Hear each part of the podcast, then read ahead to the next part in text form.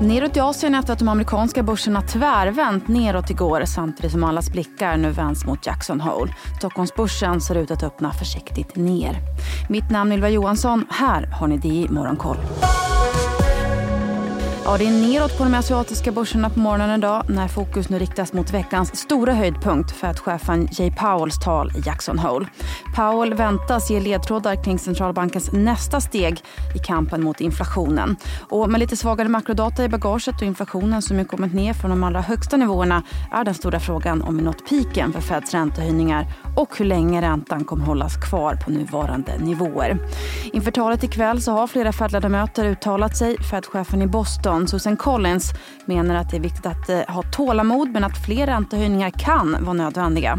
Patrick Parker, som är Fed-chef i Philadelphia, var något mer duvaktig i sitt uttalande och menar att räntorna bör stanna kvar på den här nivån resten av året och att Fed har gjort tillräckligt för att bekämpa inflationen. Om man ser till räntemarknaden så stiger de amerikanska långräntorna. Tvååringen noteras strax över 5% för första gången sedan i mars och den amerikanska tioårsräntan noteras i 4,25. De amerikanska börserna vände ju tvärt neråt igår efter att ha inlett dagen uppåt. Nasdaq hade sin värsta dag på tre veckor och stängde på minus 2% medan breda S&P 500 föll tillbaka 1,5% Inte ens halvledarjätten Nvidia, som ju släppte en stark rapport som överträffade analytikernas förväntningar, klarade av att hålla humöret uppe.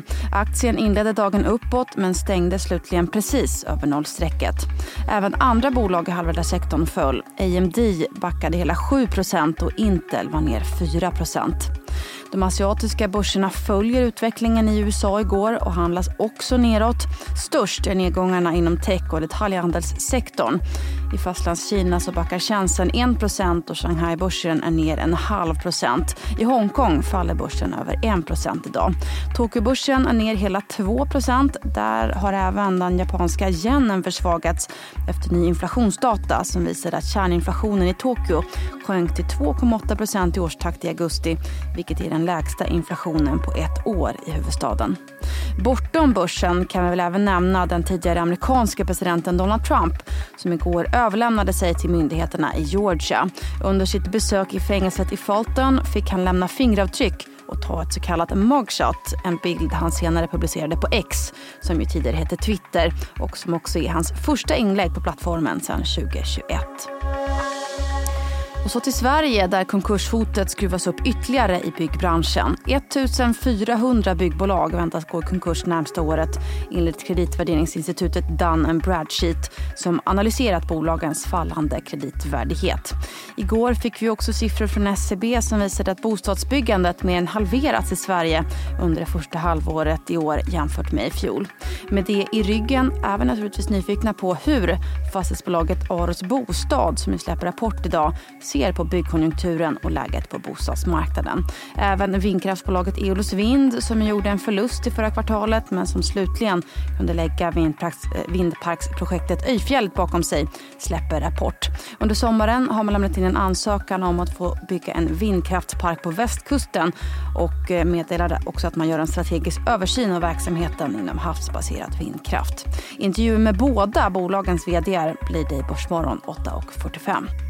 På tal om rapporter så har Alkur Fonder minskat sitt ägande i Catena Media ner till strax under 5 efter att bolaget släppt sin rapport i tisdags som fick aktien att rasa med 20% Det innebär att Alkur, som tidigare var kundanskaffningsbolagets största ägare, numera är nummer fyra i ägarlistan. Visste ni förresten att Börsmorgon nu för tiden finns som podd? Den får du absolut inte missa. Mitt namn är Ylva Johansson, du har lyssnat på DI Morgonkoll och vi är tillbaka igen på måndag.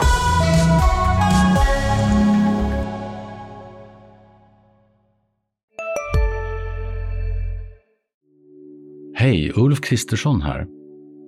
På många sätt är det en mörk tid vi lever i. Men nu tar vi ett stort steg för att göra Sverige till en tryggare och säkrare plats. Sverige är nu medlem i Nato. En för alla, alla för en. Vi är specialister på det vi gör, precis som du. Därför försäkrar vi på Swedea bara småföretag, som ditt. För oss är små företag alltid större än stora och vår företagsförsäkring anpassar sig helt efter firmans förutsättningar. Gå in på swedea.se företag och jämför själv.